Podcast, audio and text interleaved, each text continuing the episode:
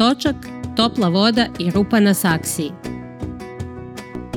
30. novembar 2016. Nedavno su mi moleri okrećili stan. Nikakvi artizmi, već sve u belo kao u ludari, prigodno mom stanju. To mi je prvo krećenje od kad ne živim na roditeljskoj sisi i doživjela sam ga kao veliki purgativni događaj. Zbog krećenja sam pravila petogodišnji popis i otpis fizičke i mentalne imovine. Izbacila sam barem tri kubika svačega, našla Milićevo tri godine skrivano blago ispod frižidera i provela tri dana u podrumu zgrade i svesti.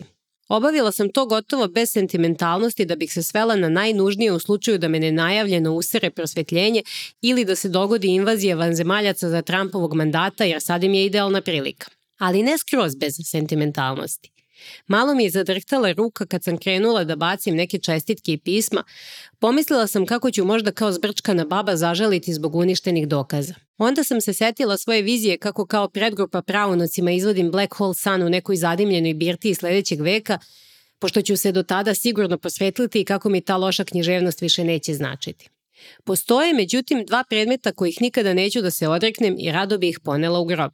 Mnogi stvari po mojim kutijama ne izdrže zub vremena i posle nekog broja godina završe na smetlištu istorije, ali ove dve su neprocenjive. Reč je o dva deće leksikona.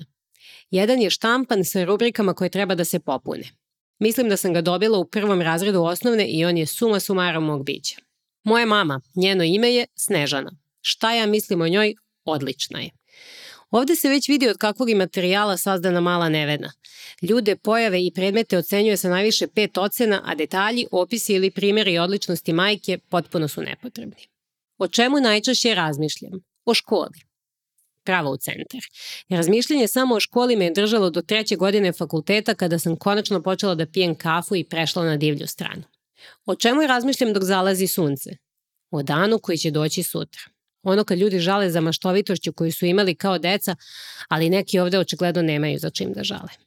Moj tata, njegovo ime je Branko. O čemu najčešće razgovaram sa njim? O mom biciklu. E da poznajete oca Branka, sve bi vam bilo jasno. Drugi leksikon je od onih školskih što su kružili po razredu sa pitanjima koje ti je omiljeni pevač, pevačica, bend, glumac i tako dalje. Ti leksikoni su uvek imali škakljivu kategoriju pitanja šta misliš o pojedincima iz odeljenja, na primjer SD strava druga. Šta misliš o Paunovićki? Malo je napaljena. U školi je reč napaljena očito imala drugo značenje. Da mi neko sada kaže da sam napaljena, shvatila bih to kao kompliment i još bih dodala šta bre malo. Ovim krećenjem skinula sam tri tone buđi sa sebe i pokrila štroku da zavaram posetioce. Plan je da još više svedem imovinu tako da me ne iznenade ni kometa, ni poplava, ni vanzemaljci. Bitno je da znam gde mi je centar, da se zna šta su knjige standarda, po njima da se ravnam i na zemlji i u svemiru.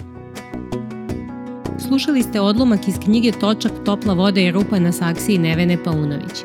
Knjigu možete poručiti na sajtu izdavačke kuće Racio i pronaći u Delfi knjižarama.